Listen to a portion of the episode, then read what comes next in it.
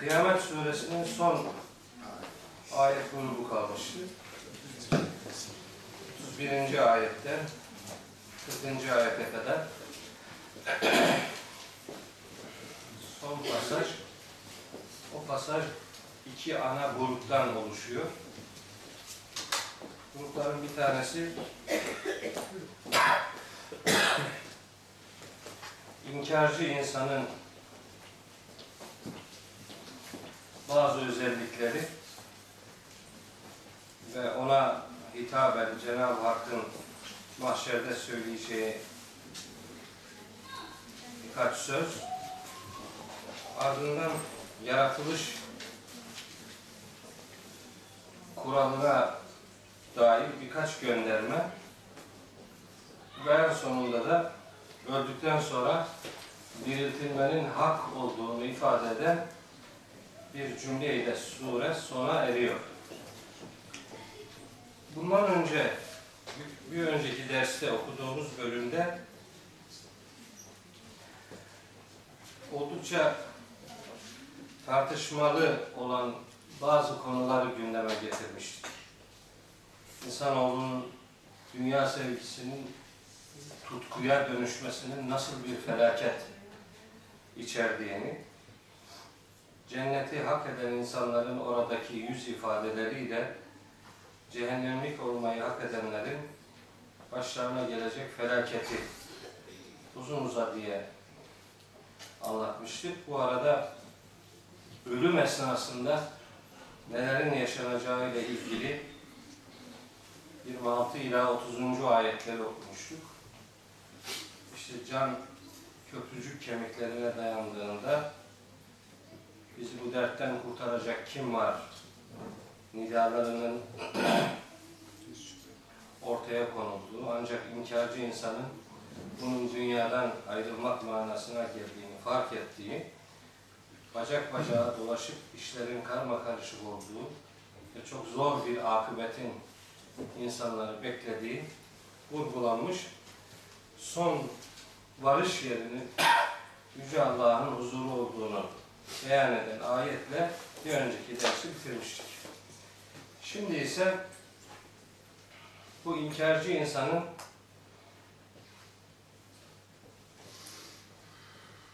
dört tane özelliği sayılıyor.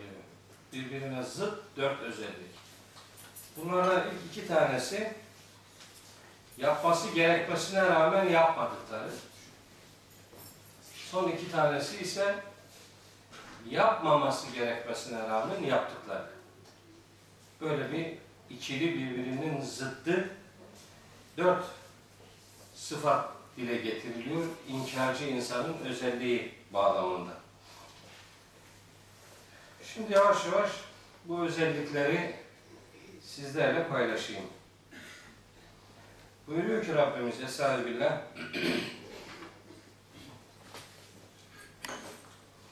فَلَا صَدَّقَ وَلَا صَلَّى وَلَكِنْ كَذَّبَ وَتَوَلَّى Dört sıfat burada. Kısacık iki cümleden oluşuyor. Ama inanın bu kısacık dört kelimeden oluşan bu iki ayet denebilir ki Kur'an'ın yarıdan çoğuyla doğrudan alakalıdır. Yani kelime yapısı itibariyle çok yoğun bir anlam ilişkisinin görüldüğü dört kelime. Nedir bunlar? Bir, fela saddeka. Bu adam, bu nankör insan, inkarcı insan, ahireti inkar eden adam tasdik etmedi. La saddeka tasdik etmedi. Yani onaylamadı. Neyi onaylamadı? İşte mesela bu onaylamamayla alakalı ayetlere baktığımız zaman karşımıza bir sürü ayet çıkıyor. Onaylamadığı şeyler nelerdir? Mesela Leyl suresinde Rabbimiz buyuruyor ki Estağfirullah İnne sa'yeküm leşetta fe emmâ men a'ta vettekâ ve saddaka bil husna Bu adamın onaylamadığı şey dinin en güzel diye tanımladığı her şeydir. Bunda Allah'ın varlığı, Allah'ın birliği, Allah'ın kudreti, ortaya koyduğu prensipler, mahşer hayatı, cennet ödülleri ne aklınıza geliyorsa onaylanması gereken her şey bu kavramın kapsam alanı içerisindedir. İşte bu inkarcı insan tasdik edilmesi, onaylanması gereken ne varsa bunları tasdik etmemiştir. Onaylamamıştır. Eski alimlerimizin bir kısmı, tabi bu anlamı onlar verdiler. Biz de onlardan öğrendik. Ben şu sıralar Yasin suresinin tefsirini yazıyorum. Birkaç gün önce Kaf suresini bitirdim. Nüzul sırasına göre 39. sureyi, Yasin suresini işliyorum. Dün gece itibariyle beraber çalıştığımız bir yeğenim var. Onunla birlikte çalışıyoruz. Tenzilel Azizir Rahim ayeti var Yasin'in biliyorsun. Beşinci ayet. Yani ne var? Tenzilel Azizir Rahim yani. Aziz Rahim Allah'ın indirmesi olarak. Manası bu. Bu acaba gerçekten tam ne anlama geliyor diye böyle biraz yakından baktık. Tenzile kelimesi niye üstün okunuyor? Bunu üstün yapan nedir? Bu acaba başka türlü okunuyor mu? Bunu tenzili okuyanlar var mı? Tenzilu okuyanlar var mı? Tenzile okuyanların gerekçesi nedir diye biraz baktım. Aslında ilk üç tane manayı biliyordum eskiden beri. Ben zannediyordum ki Tenzilel Azizir Rahim ile ilgili ne varsa hepsini ben biliyorum. Hatta Aziz ve Rahim sıfatlarını o bağlamda niçin kullanıldığını da bildiğimi düşünüyorum. Sonra tefsirlere bakınca hiçbir yiğit kalkıp da ben bu ayetin ne dediğini, ne demek istediğini tam anladım diyemez. Dediği zaman öyle tokat gibi yapıştırıyor adamı. Bir bakıyorsun ki aa başka şeyler var ya. Başka ihtimaller var. Ve o başka ihtimaller senin bildiklerinden daha güçlü olabiliyor. Bu itibarla mesela bu ayetleri incelerken de فَلَا صَدَّقَ وَلَا صَلَّى Acaba neyi karşılıyor bu? Tefsirlere bakıyoruz. Eski alimlerimiz neler demişler. Tabi şöyle diyenler çıkmış enteresan. Fela saddaka tasaddukta bulunmamak diye anlamış bunu adam. Fela saddaka fela işte tasaddaka gibi algılamış. E, sadaka kelimesini düşündüğünüz zaman onun o anlama geleceğini söylemek çok garip değil. Yani söylerse söyler. Ama mesela şu yorumu yapanlar çıkıyor içlerinden. Diyor ki adam, henüz inanmamış bir adamın tasaddukundan söz edilemez. Öyleyse fela saddakayı sadaka vermemek diye algılamak yeterli değildir. Fela saddaka kendi öz anlamıyla tasdik etmemek, onaylamamak, yalanlamak manasına geliyor. Doğru. Fela saddaka o.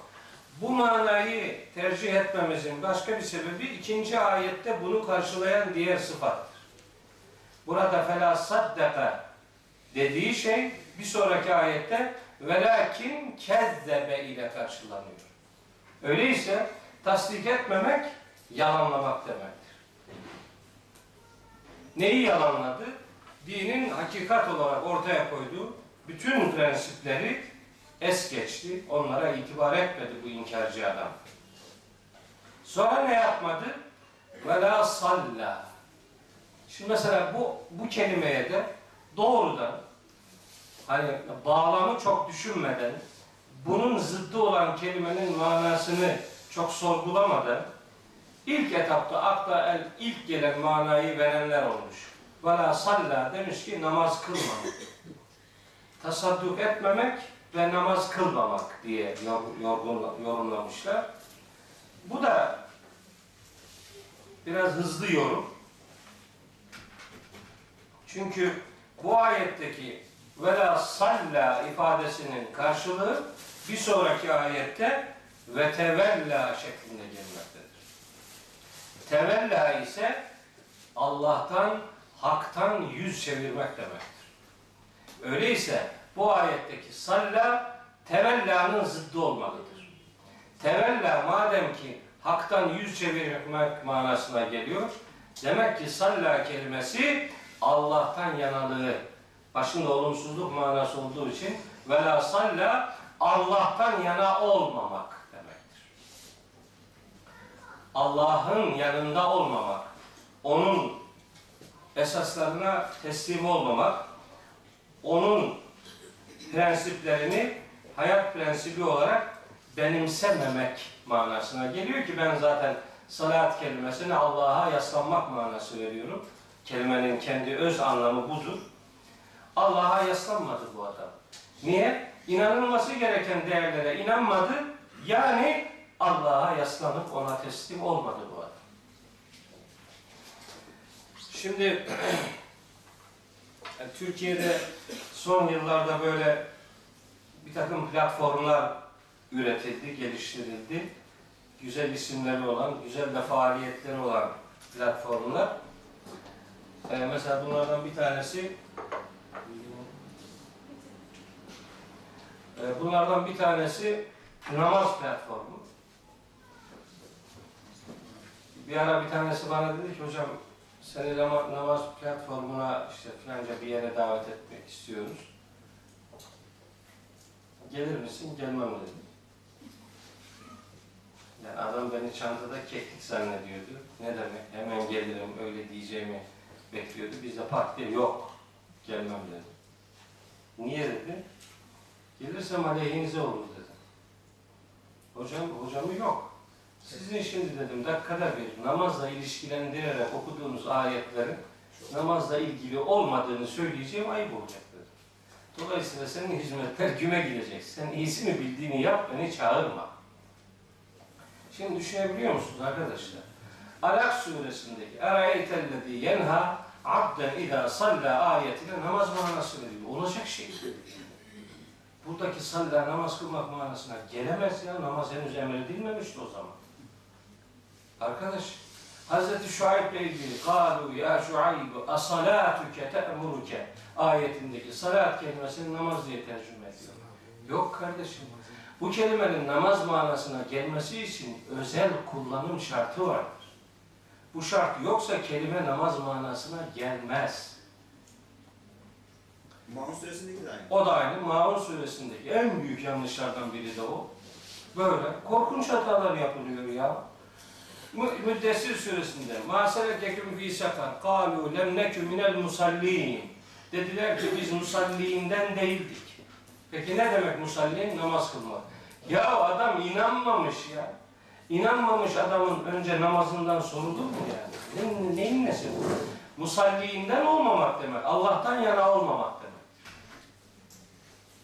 Allah'ın belirlediği esaslara yürek vermemek, gönül vermemek, onlara teslimiyet göstermemek demektir.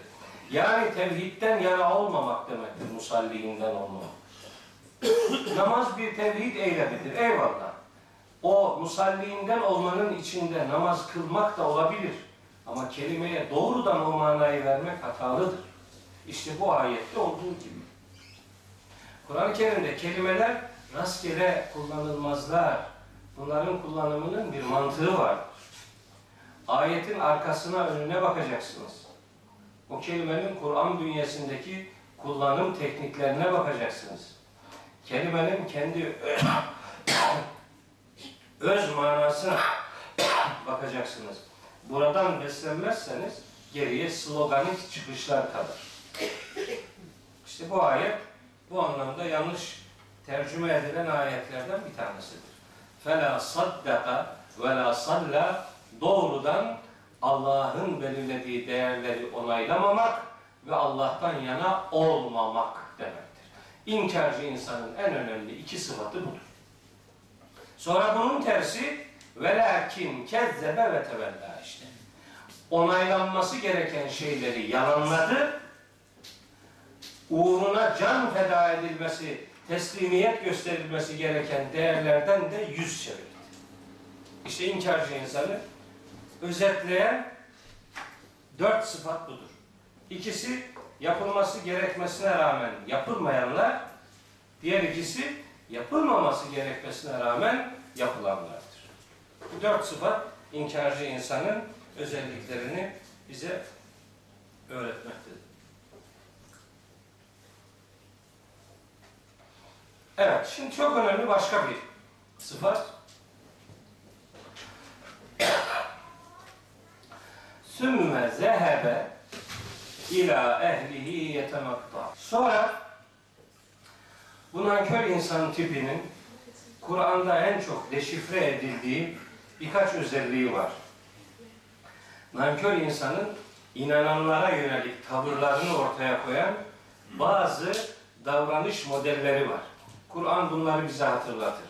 Der ki, şimdi burada bir cümle var. Sümme sonra zehebe ila ehlihi yetematta. Sonra bu nankör adam bu yaptığı densizliklerle yetinmemiş, yani hakkı onaylamamış, Allah'tan yana olmamış, gerçeği yalanlamış, Allah'tan yüz çevirmiş. Yetmemiş bütün bunlar. Kalkmış, kendi ailesinin yanına çalım sata sata dönüp gitmiş. Yani büyük bir kahramanlık yapmış edasıyla ben işte onlardan yana değilim, işte şunlardan yanayım diyerek ehlinin yanına çalım satarak gitti. Ehil kelimesi Kur'an-ı Kerim'de biz Türkçe'de bunu aile olarak algılıyoruz ama bu her yerde bu manaya gelmez. Ben onun için bunu tam karşılasın diye aile tercümesini yapmak yerine inanç ailesi tercümesini yeğliyorum. İnanç ailesinin yanına. Yani kafadarlarının yanına. Kendi meşrep taşlarının yanına çalım satarak gitmiş, alay etmiş yani. Şimdi Kur'an-ı Kerim'de bu nankör insan tipinin aynen bugün olduğu gibi. Bugün de aynısı var yani. Yani neticede küfrün mantığında bir değişiklik yok. Kafir her zaman kafir. Küfür her zaman aynı mantığın görüntülerini ortaya koyar. Bazı metot, üslup, model değişiklikleri görülse de işin mantığı daima aynı gider küfürde. Bunun için Peygamberimizin işte küfür tek millettir rivayeti, hadisi bu hakikati ortaya koyuyor. Bunlar tek adamlardır. Mutaffifun suresinde bunlarla ilgili çok önemli bir hususiyet hatırlatılıyor. Surenin 29. ayeti buyuruyor ki Rabbimiz Estağfirullah. İnnellezîne ecramû bu mücrim, bu sürekli suç işleyen, günahtan zevk alan bu namert insanlar kânû minellezîne âmenû yadhakûne bu adamlar müminlerle ilgili olarak sürekli gülerlerdi, alay ederlerdi. Müminlere gülerlerdi, alay ederlerdi. Mesela Necm suresinde geçiyor. Efe min hâzel hadîthi ta'cebûne ve tadhakûne ve lâ tebkûne. Yani siz şimdi bu sözden dolayı mı acayipleniyorsunuz, şaşırıyorsunuz? Ağlayacak yerde gülüyorsunuz, alay ediyorsunuz, öyle mi? Alay ediyorlar. Hem peygamberimizle hem bu vahiy unsuru ilahi mesajla alay ediyorlar. Gülüyorlar. Alay edicilik onların en önemli özelliklerindendir. Ve onların bu özelliği ta iblisten beri devam edip oradan, o damarlardan beslenmektedir. Hani iblis Hazreti Adem'e yönelik secde ile ilgili emre muhatap kılınınca ne demişti İsra suresi 62. ayette? Yani ereeyteke hâdellezî kerramte aleyye yani yaptın yaptın da ancak benden üstün tutacağın varlık olarak bunu mu yaptın diyor Allahu Teala.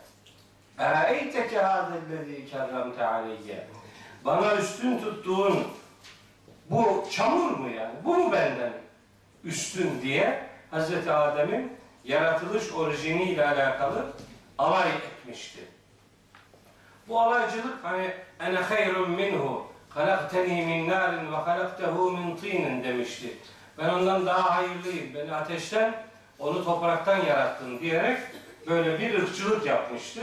İlk ırkçı iblistir. İlk alaycı da odur.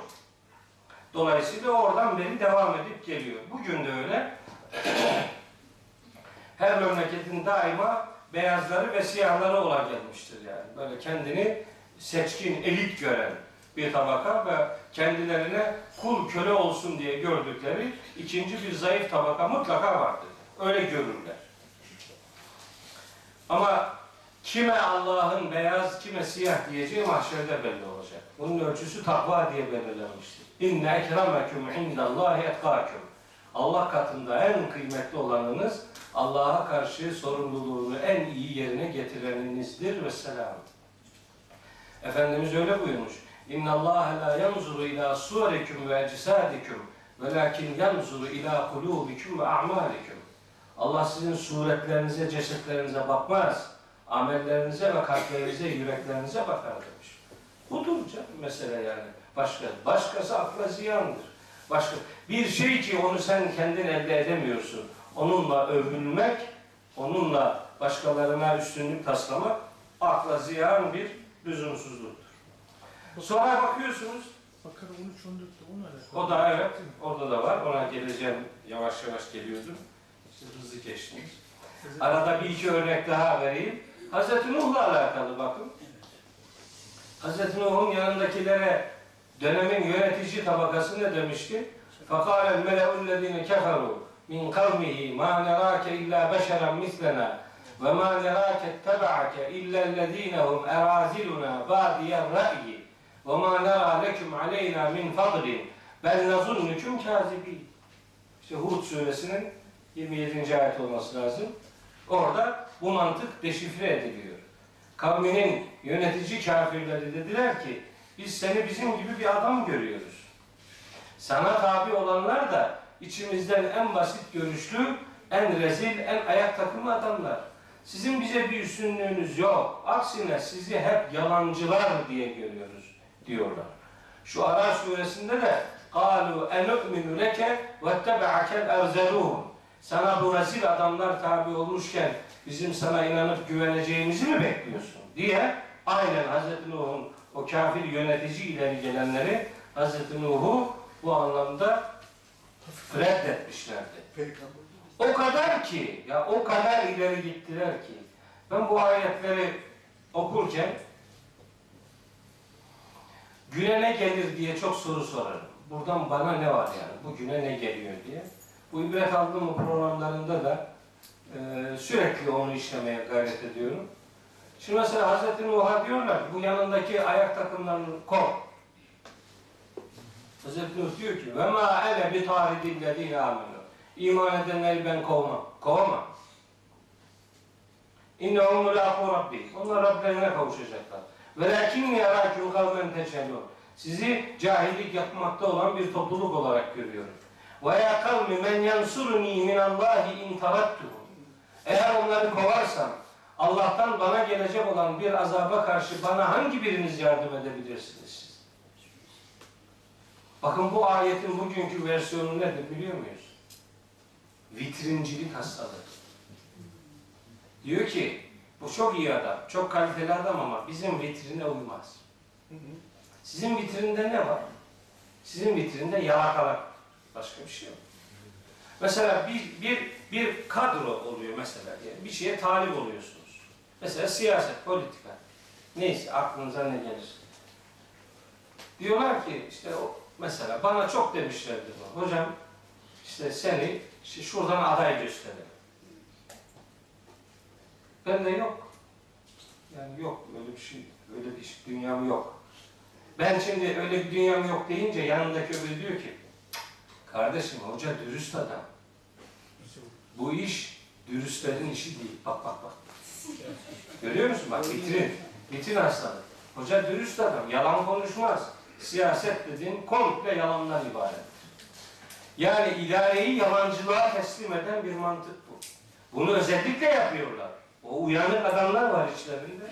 O uyanıklar kendi makamlarını, koltuklarını kaptırmamak için kendilerini pespaye duruma düşürdüklerinin farkına varmadan belli adamları belli yerlerden özellikle uzak tutmayı bir maharet zannediyorlar. İşte ben bu adamlara diyorum ki siz Hazreti Nuh'un kavminin o kafir yönetici tabakasının yaptığının aynısını yapıyorsunuz. Bu başka bir şey değil. Öyle Nuh kıssasını okuyup tarihe gömmenin bir alemi yok. Aynısını yapıyorsun kusura bak. Vitrinci hastalığı belli insanları belli yerlere layık görmemek yani. Güya seni onore ediyor. Ya bak sen buna göre bir adam değilsin. Bulaşma. Bulaşma ben malı götüreyim. Demeye getiriyorlar yani. Nuh'un, Hazreti Nuh'un kavminde var bu hastalık. E, şeyde de var. Yani Hazreti Musa'ya karşı Firavun'un tutumu da budur. Hazreti Salih'e karşı Semud'un tutumu da budur. Hazreti Hud'a karşı Ad'ın tutumu da budur. Hazreti Muhammed'e karşı Mekke müşriklerinin, Mekke oligarşisinin tutumu da tamamen aynıdır. İşte Bakara 13-14. ayet. Biz bu sefih adamların inandığı gibi inanacağız yani. İzâ qîle lehum âminû kemâ âmelen nâs. Kâlû enû'minû kemâ âmene süfehâ. Bu süfehâ denen düşük adamların inandığı gibi mi inanacağız? Ela dikkat edin. İnnehum humus süfehâ. Asıl sefihler bu adamlardır. Ama gerçeği bilmiyorlar. evet. Biliyorsunuz e, Hucurat suresinin 11. ayetinde bu alaycılık Müslümanın gündeminden çıkartılıyor. Ya eyyühellezine amenu la yeskar kavmun min kavmin asa en yekunu hayran minhum ve la nisa'un min nisa'in asa en yekunne hayran minhunne ve la telmizu enfusekum ve la tenabezu bil elqabi bi'sel ismul fusuku ba'del imani Harika bir ayet ya. Harika bir ayet. Hücurat suresi 11. ayet. Kimse kimseyle alay etmesin. Kimin yiğit olduğu ruzu mahşerde belli olacak. Neyine bakarak bir başkasını hor, hakir görüyorsun diye uyarıyor o ayet. Bunu erkekler de yapmasın, kadınlar da yapmasın. Birbirinizi ayıplamayın. Birbirinize lakaplar takmayın. Böyle diyor. وَلَا تَنَابَزُوا بِالْاَلْقَابِ Bizim orada lakap tanımadan, şey lakap takmadan adamı tanımak mümkün değil. Herkesin bir lakabı var. Böyle lakaplar da böyle güzel kelimelerden oluşmuyor. Ha. Nerede bir fitne fücur varsa o. Adam demiş, gavur Ali. Hem Ali hem gavur. Mesela diyor, şeytan Rıdvan. Şeytan Rıdvan da hoşuna gidiyor herhalde bu. Şeytan Rıdvan. Yani, yani ne yani çok kıvrak zeka. Çok. Şey, şeytan kim? Öyle adamlar var ki şeytana pabucunu ters giydiriyor. Şeytan bile ben senden uzağım arkadaş diyor ya sen ne ahmak adamsın diyor Kur'an-ı Kerim'de iki yerde. Şey var ya Hümeze suresi Hümeze. Velül iküllü hümezetin lümezetin. Kaş göz işaretleriyle el kol hareketleriyle alay edenlerin vay haline. Onlar hangi cehenneme gidecekti? Hutame cehennemine. Hutame ne demek? Kemikleri kırıp geçiren yer demektir. Niye onlar Hutame cehennemine gidiyor da mesela Sair cehennemine gitmiyor? Sekar cehennemine gitmiyor. Niye onların gittiği yerin adı Hutame? Çünkü dünyada kimin gönlünü kırdıysa gönül kıranların gönlü kırılacaktır. Davranışa uygun cezai müeyyideler Kur'ani unsurların, Kur'ani üslubun bize öğrettiği ifade biçimlerinde. Böyle gidiyor bu iş. Evet, daha başka özellikler de var ama artık oraya geçeyim. Sonra ben her okuduğumda yüreğimin cız ettiği eyvah inşallah böyle bir hitabın muhatabı olmam diye sürekli dua ettiğim iki küçük ayet geliyor. Şimdi bu münkirlerin özelliklerini anlatıyor.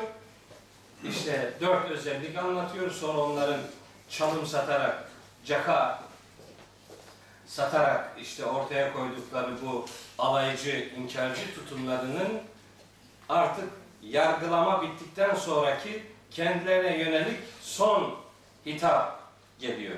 İki ayetle geliyor bu. Ayetler iki ayet dört kelime. Fakat dört kelimenin dördü de aynı. İki ayet, dört kelime aynı kelime. Evla leke fe evla sümme evla leke fe evla. Aynı. Dört kelime. Şimdi bunun dört tane anlamı var. Evla leke fe evla sümme evla leke fe evla. Surenin hangi ayetleri? 34-35. ayetleri. Ne demek bu? Evla leke fe evla. O olsun sana. O olsun. Tekrar tekrar o olsun. O olsun sana. Denecek bu inkarcı adama. Cehennemlik olması itibariyle.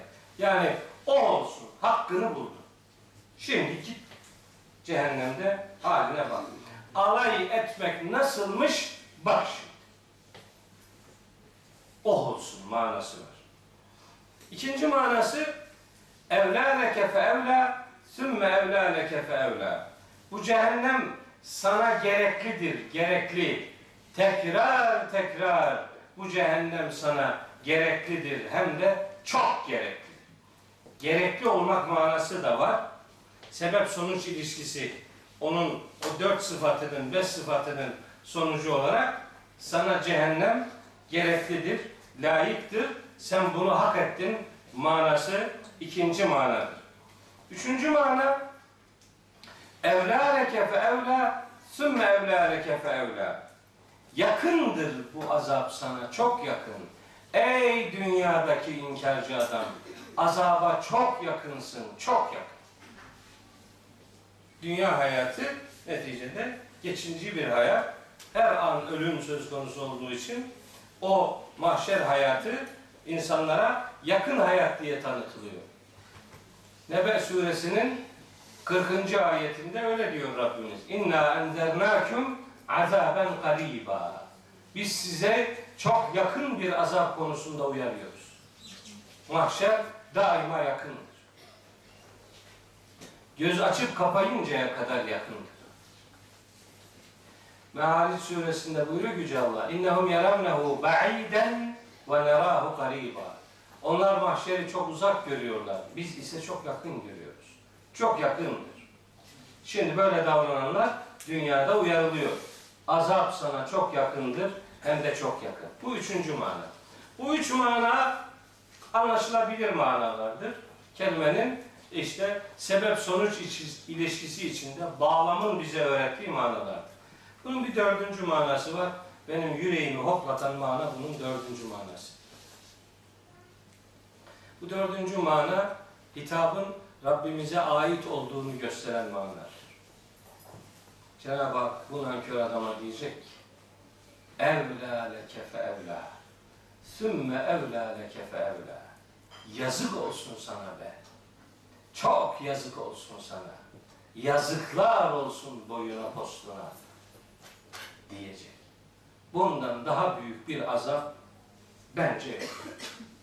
Bu hitabı duymak azabın en büyüğü olsa gerektir.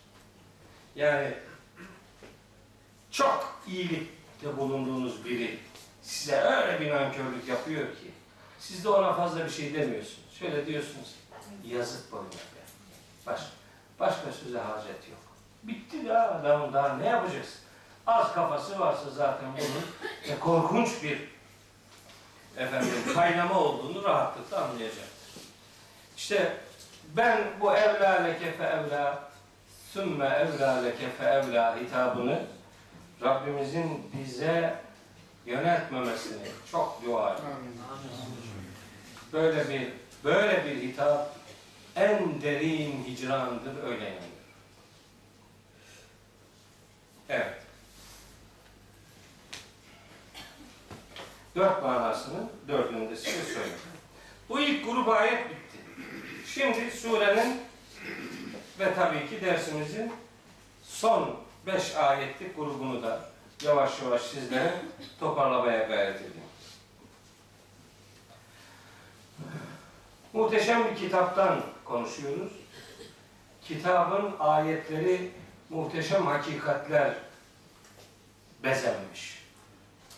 Öyle güzel mana açılımlarına müsait ki yani her bir mananın Kur'an'dan onlarca ayetle doğrudan anlam ilişkisi vardır. Şimdi bak. İlk etapta çok kolay anlaşılacak bir ayet. 36. ayet. Estağfirullah. Eyahsebul insanu en yutrake süda. Ne yani? Bu nankör insan başıboş terk edileceğini mi zannediyor? Şimdi bu ne demek? Buradaki insandan kasıt nedir? Yani bağlama bakarsanız, yani surenin başından beri gelen ayetlere bakarsanız maksadın nankör insan olduğu anlaşılıyor. Ama bundan bütün insanlara yönelik bir bilgilendirmenin yapıldığını da söyleyebiliriz. Metin buna müsaittir.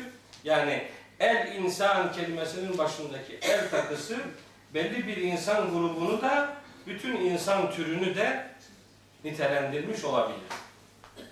İşte bu elif lamın adı var. Ahd ve cins için olmak diye. Neyse işi Arapça dersine dönüştürmeyelim. Peki bu hitap nereyle alakalı?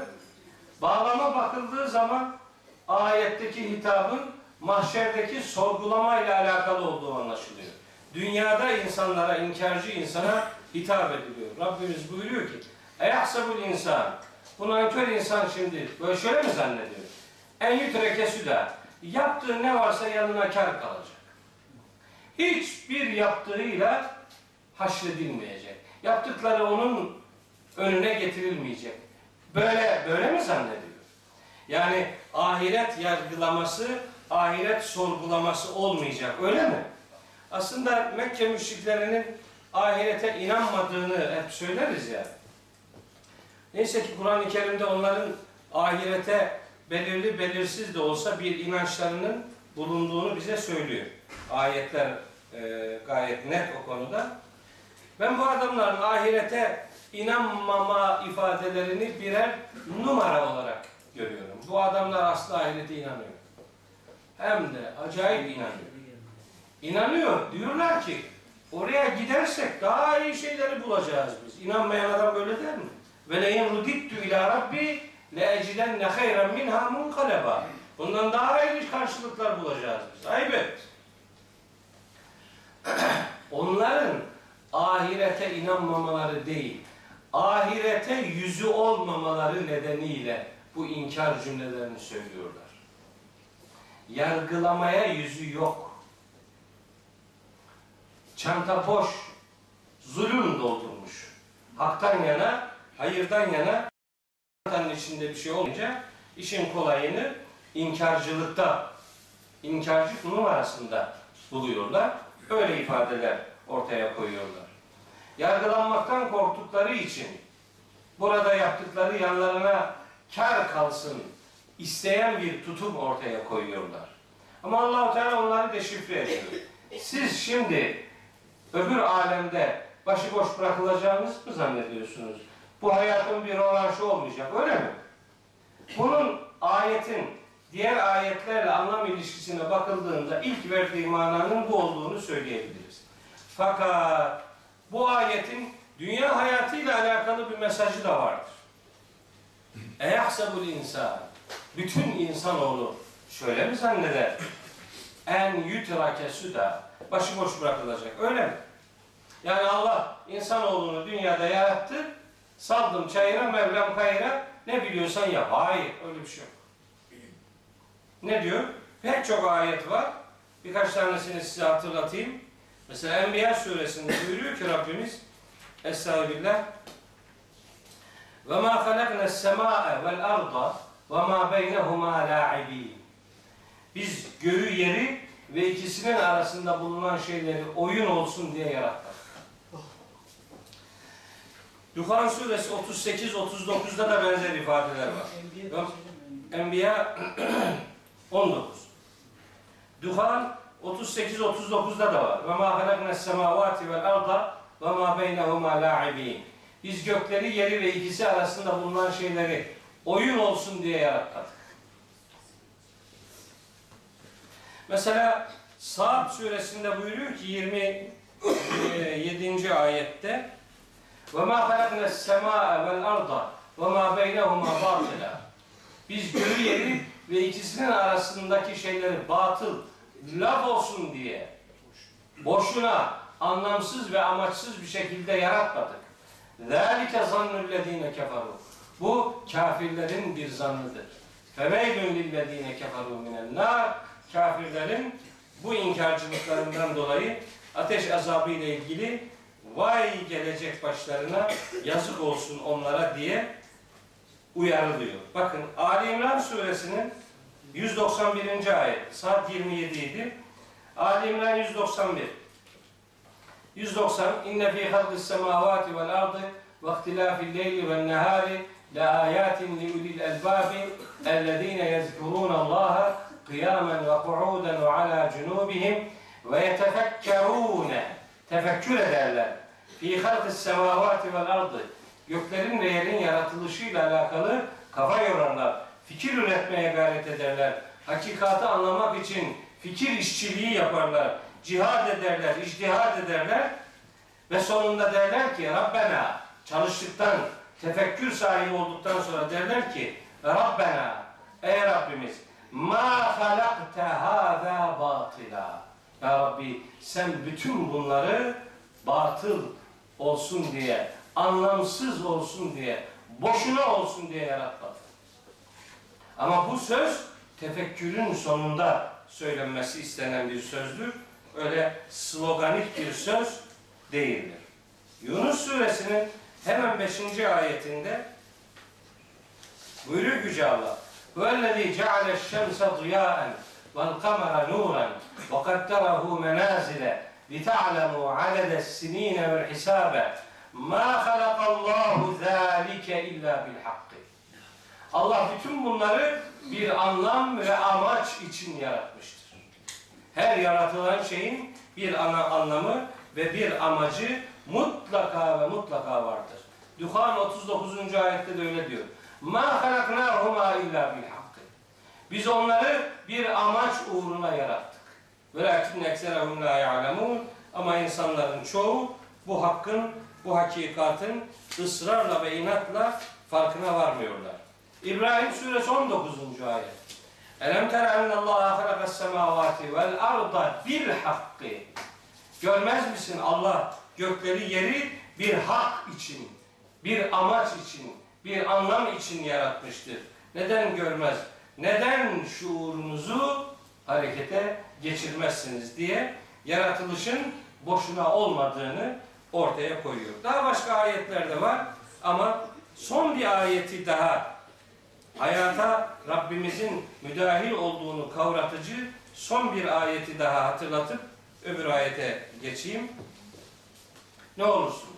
Bugün ille de bir ayet aklımızda kalsın isterseniz bu okuyacağım ayeti aklınıza yazın. Ali İmran suresi 179. ayet. İslam'ı, dini, ilahi prensipler sistemini özetleyen ayettir. Ali İmran 179. Estağfirullah. Bakın ne diyor. İsterseniz ondan önce Ankebut 2'yi hatırlatayım. Sonra buraya geleyim. Ankebut 2'de diyor ki Rabbimiz Estağfirullah. Elif la mim ehasiben nasu. İnsanlar şöyle mi zannediyorlar? En yutrakü bırakılacaklar, terk edilecekler. En yekulu amennâ ve hum la yuftenûne. Sadece iman ettik diye diyecekler. Hiçbir imtihana tabi tutulmadan salı verilecekler. Öyle mi zannediyor bu adamlar? İman ettik demekle salı verileceklerini mi zannediyorlar? Müminun 115. ayette Efe hasibtum ennemâ halaknâküm abesen Ve enneküm ileyna la turcaun. Yoksa sizi abes olsun diye yarattığımızı mı zannediyorsunuz? Bize geri döndürülmeyeceğinizi mi düşünüyorsunuz? İman ettik demeyle bırakılacaksınız öyle mi? Hani bir hadis-i şerif var ya Men kâle la ilahe illallah dehelel cennet. İşte kim la ilahe illallah derse cennete girer. Bu hadis kitap yani hadis kültürümüzün hemen her yerinde vardır. Doğrudur bu hadis. Zerre kadar tereddüdüm yok. Canıma kurban. Tabii ki doğrudur. Ama o hadisin söylendiği şartlar Mekke şartları. Desene Mekke'de Allah'tan başka ilah yoktur diyenlerin kafasının kopartıldığı ortamda La ilahe illallah desene yiğitliktir bunu demek. Onu demek La ilahe illallah Mekke'de demek hayatını kaybetmek demek. Ama bu Medine'de değil bu. Medine'de bu hadisin versiyonu değişmiştir. Medine'de bu hadis Efendimizin ağzından şöyle dökülmüştür. Men kâne âhiru kelâmihi la ilahe illallah dehelel cennet. Kimin son sözü la ilahe illallah olursa cennete gider. İşte budur. Yiğitlik yapmak lazım. İman, iman korkunç bir kararlılıktır. Tarafını belirlemektir. Nazik dönemlerde Allah'tan yanayım demek adamı Allah'ın izniyle kurtarır. Ama şimdi şimdi böyle slogana dönüştürmeyi değil, yüreğine yazarak Allah'tan başka ilah yoktur'u hayatına hakim kılmak gibi bir ödevi vardır müminlerin. Bunu unutmamalıdırlar. Bunun için Allah'ın hayata müdahil olduğunu unutmamalıdırlar. Allah hayata müdahildir mesela. Allah Kitab-ı Mukaddes tekvinin ikinci ayetinde yazdığı gibi değildir. Yani Allah pazar günü yaratmaya başladı. Pazar, pazartesi, salı, çarşamba, perşembe. Cuma günü akşama kadar yaratacağını yarattı. Yoruldu. Sept yani dinlenme günü istirahata çekildi. Yok. Öyle değil. Allah Teala bu algıyı zinhar reddediyor. Nerede reddediyor? Kaf suresinde. Öyle mi Sümeyye? Ve ma halakna semavati şey ve lekad halakna semavati vel arda ve ma beynehuma fi sitteti eyyamin biz gökleri yeri altı günde yarattık ve ma messena min lughubin bize hiçbir yorgunluk yorgunluğun eseri dahi yanımıza ulaşmamıştır. Allah yes'eluhu men fis semavati vel ardı Göklerde ve yerde kim varsa hepsi Allah'ı sorar ondan ister. Külle yevmin huve fi şe'nin. Her yeni gün Allah yeni bir iştedir. Rahman 29. ayet.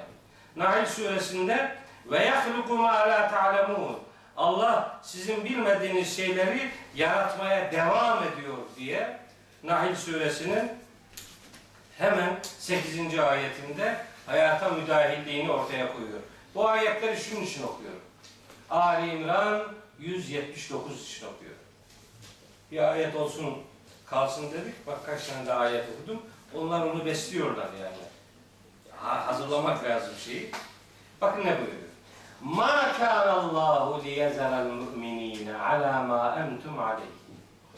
Allah müminleri bulunduğunuz bu hal üzere bırakıp terk etmez. Bak Allah ma kana Allahu liyezeral müminine ala ma entum aleyhi. Allah müminleri bulunduğunuz bu hal üzere bırakıp terk etmez. Ne zamana kadar? Hatta yemizel habise minat gibi. Ta ki inançta, ahlakta ve davranışta kötü şeylerden iyi şeyleri ayırt edinceye kadar. Kötü şeylerin yerine iyilerini ikame edinceye kadar. İnançta yanlışlıklardan arınmak, ahlakta yanlışlıklardan arınmak ve davranışlarda yanlışlıklardan arınmak için din gönderilir. Böylece din hayatın her anına ve her alanına dair hükümler vaz eden bir kurumdur. Din insanın Allah'a karşı borçlu olduğunu ilan ettiği, bir borçluluk bilinci insana kazandıran kurumdur. Öyleyse Allah varsa hayata müdahildir kabulü zorunludur. Allah yarattı kenara çekildi. Öyle bir Allah inanışı bize uygun değildir.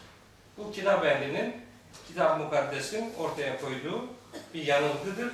Kitap mukaddesin tahrif edildiğinin bir delilidir. Yani.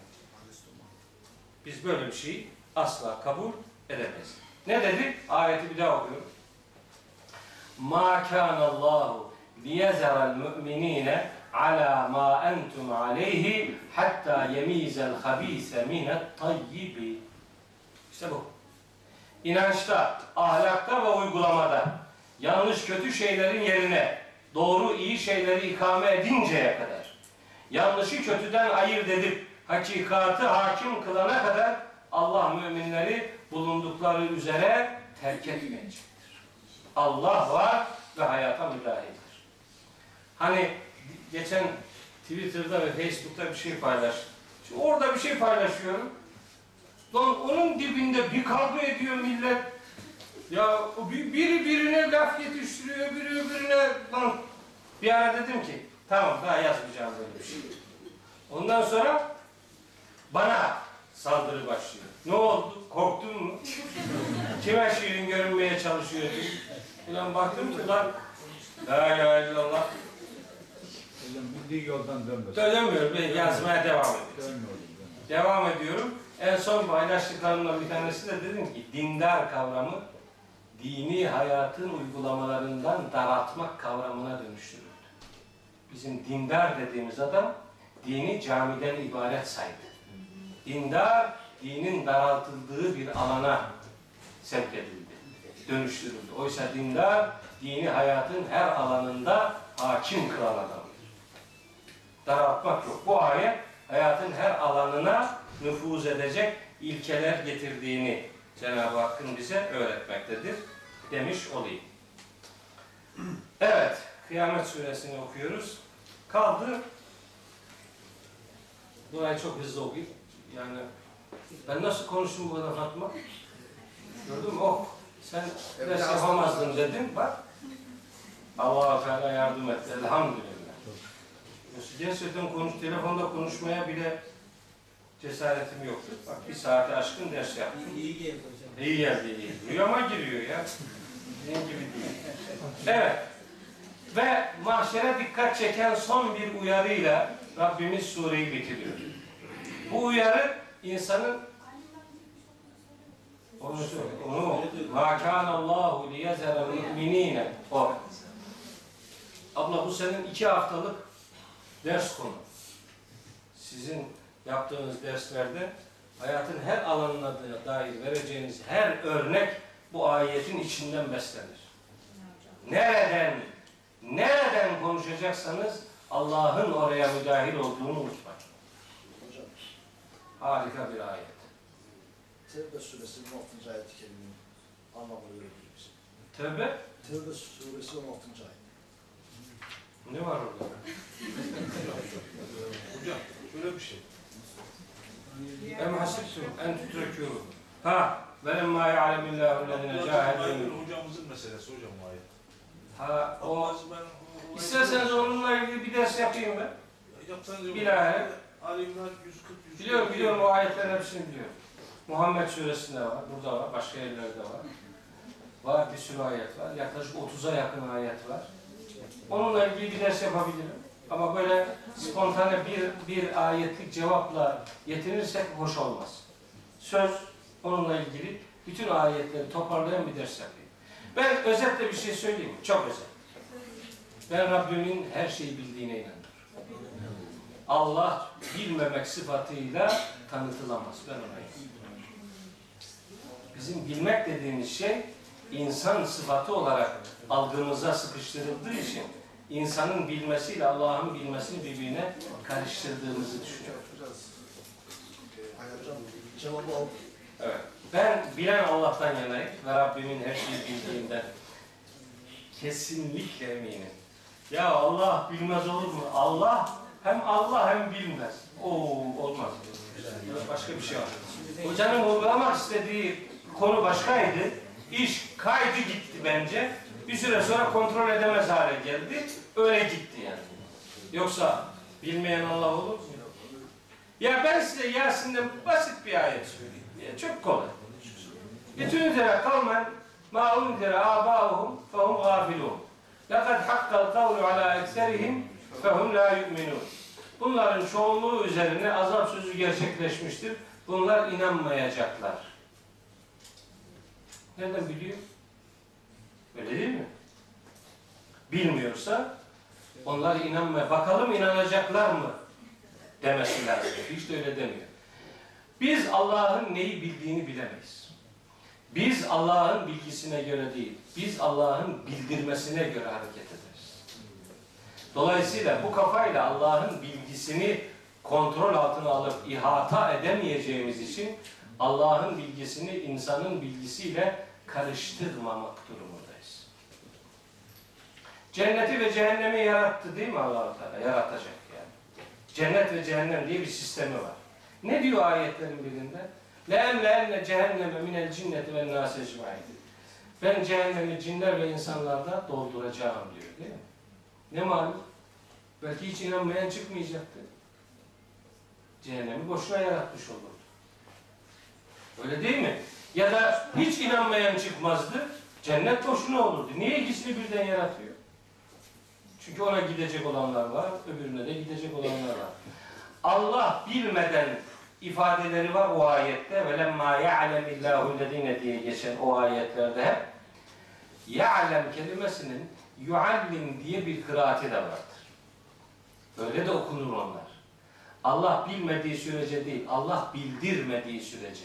Yani ortaya çıkarmadığı sürece işte şöyle şöyle olmayacak, bunu bilesiniz diye ayetlerin böyle bir anlam dünyası da var.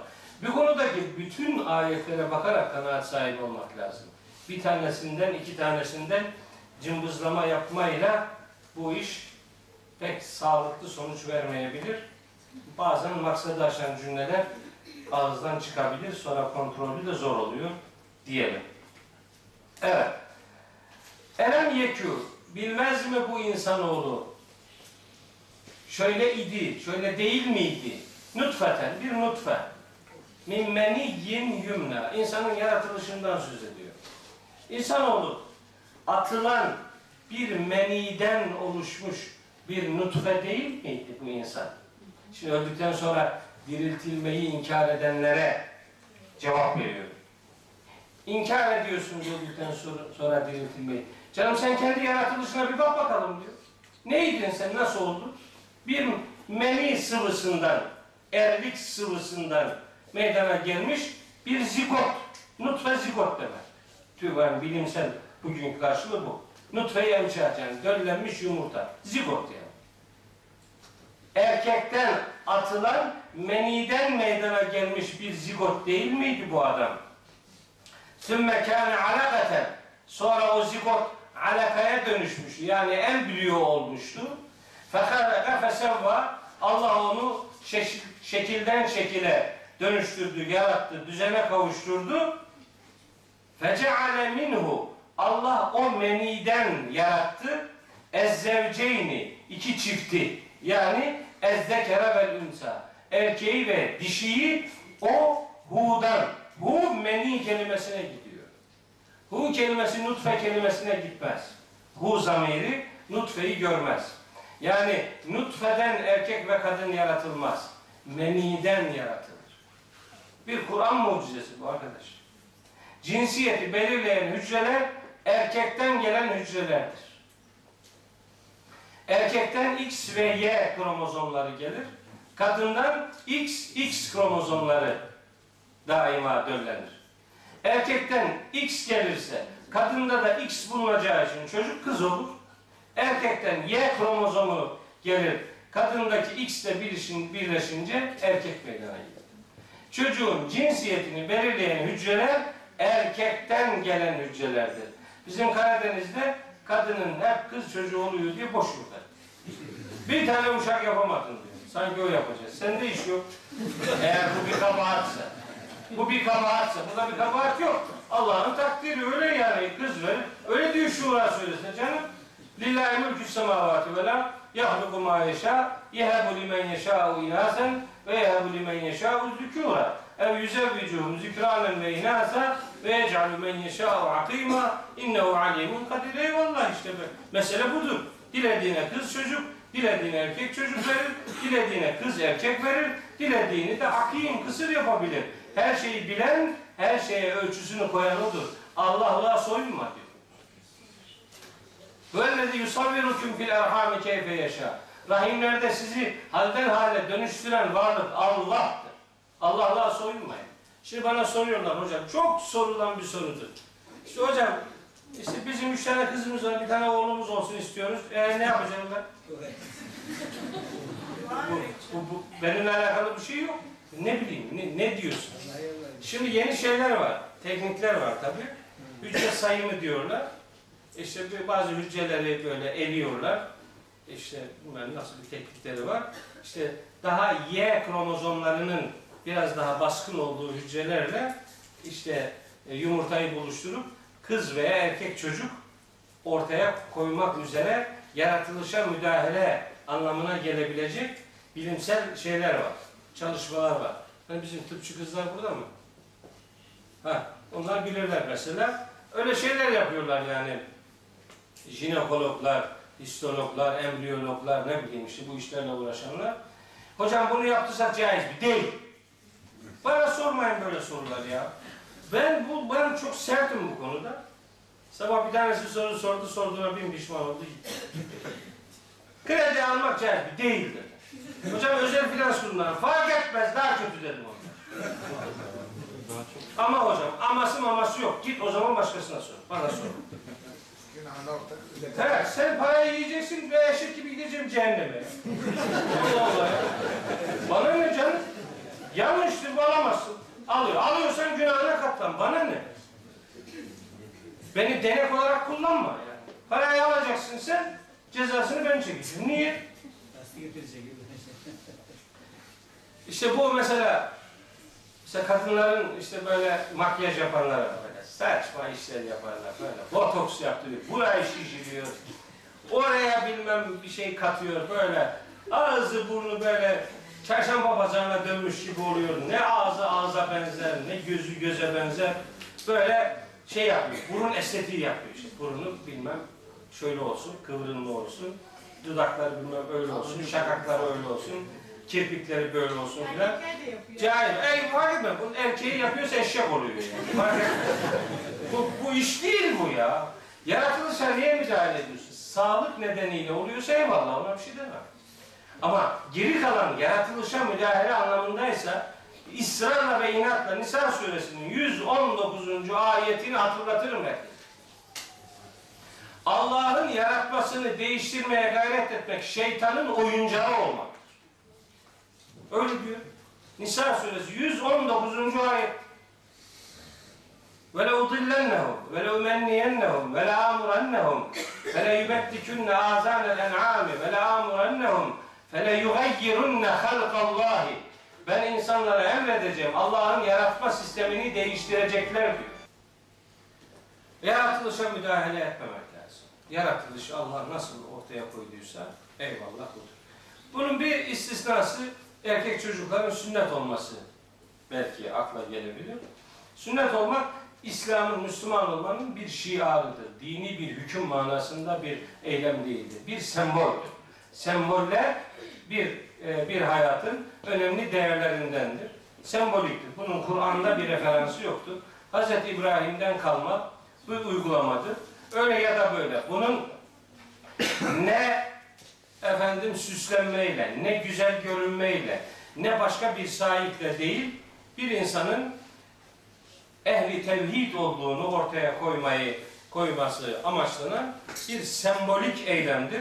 Yahudilerin arasında bir fark olmuyor. İşte Yahudilerde de var bu. Mesela Filistin'deki Müslümanlar şimdi fark oluşturmuyor yani. Yani bu, yani bu Hz. İbrahim'den beri geldiği için hani inkarcıyla, mutlak inkarcıyla imanlı arasında bir ayrım ortaya koyacak bir sembolik ifadedir. Ben bunu mesela yaratılışa müdahale edilmesin dediğim her zaman bunu e, bana karşılık olarak veriyorlar. Yani Birinde amaç dini bir sembole insanların riayet etmesidir. Birinde amaç başka arzulara hizmet etmektir. İkisini aynı yan yana getirip de bu yanlışsa o da yanlıştır ya da bu doğruysa o da doğrudura işi götürmeyi çok sağlıklı bulmuyorum. Hiç kimse makyaj olmayla veya estetik yaptırmayla işte veya bilmem başka şeyler yaptırmayla sünnet olmayı karşılaştırmamalıdır. Aynı şeyler değiller. Yani çok bağışlayın, çok affedersiniz. İnsanlar tıraş olurlarken de yani yani filanca bölgesinde insanın tüy oluyorsa varsın doğumundan ölümüne kadar olsun denmez yani. Bir temizlik diye bir ihtiyacı vardır insanoğlunun. Mesela tırnaklar yani tırnaklar ölüme kadar serbest bırakılmaz neticede bunun bir kir olduğu ortaya çıkıyor. Bu kirden kurtulmak için bir temizlik ameliyesidir. Tırnak kesmek ya da işte etek tıraş olmak vesaire. Sünnet olmak da böyle bir şeydir. Bir temizlik biçimidir ve e, şeyler ürologlar sünnet olmanın erkeklerin beden hayatında çok çok çok büyük önem arz eden bir ameliye olduğunu da ifade ediyor. Biz onlar ifade etse de etmese de bir dini hassasiyetse bunu zaten kalben kabul eder, gereğini yerine getiririz. Benim söylemek istediğim yaratılışa lüzumsuz yere müdahil olmamaktır. Kadınlar çocuk dünyaya getirirlerken de bu yanlışın bir başka benzerini yapıyorlar. Alan razı, satan razı kabilinden. Normal doğum yapmıyorlar. Sezeryan tercih ediliyor. Sezeryan tercih edilince de doğumla alakalı Allah'ın koyduğu sistem Allah bullak oluyor. Ondan sonra günlerce uğraşıyor, süt gelmiyor. Gelmiyor işte. Yani sünnetullah oynamaya gelmez. Doktor razı ameliyat parası alacak. Hasta hamile hanım razı ağrı hissetmeyecek. Orada ameliyat oluyor. Sistemini Allah kullak ediyor. Vakti gelmeden icabında bir hafta önce, iki hafta önce alınıyor. Veya işte ameliyat günleri e, çakışmadığı için bir hafta sonraya filan efendim bırakılıyor bilmem ne. Yani işi doğasından ayırdığınız zaman sakıncalar kaçınılmaz oluyor. İşte ben bütün bunları Allah'ın yaratma sistemine bir çeşit müdahale gibi görüyorum ve bundan behemehan uzaklaşılmasının önemli bir duyarlılık olduğunu ifade etmek istiyorum. Bu cinsiyeti belirleyen hücrelerin erkekten geldiğine dair Necm suresinde de çok nefis bir hatırlatma var 45-46. ayetlerde. Onları da söylemiş olayım. Son ayet bu bunu Allah Teala'nın hatırlatmasının sebebi işte son ayette beyan ediliyor. Eleyse zalike bi kadirin. Evet, bütün bu sistemi kuran ilahi irade kadir değil midir? Ala en yuhyiyel mevta. Mevtayı, ölüyü yeniden hayat sahibi kılmaya onun gücü yetmez mi? Elbette yeter.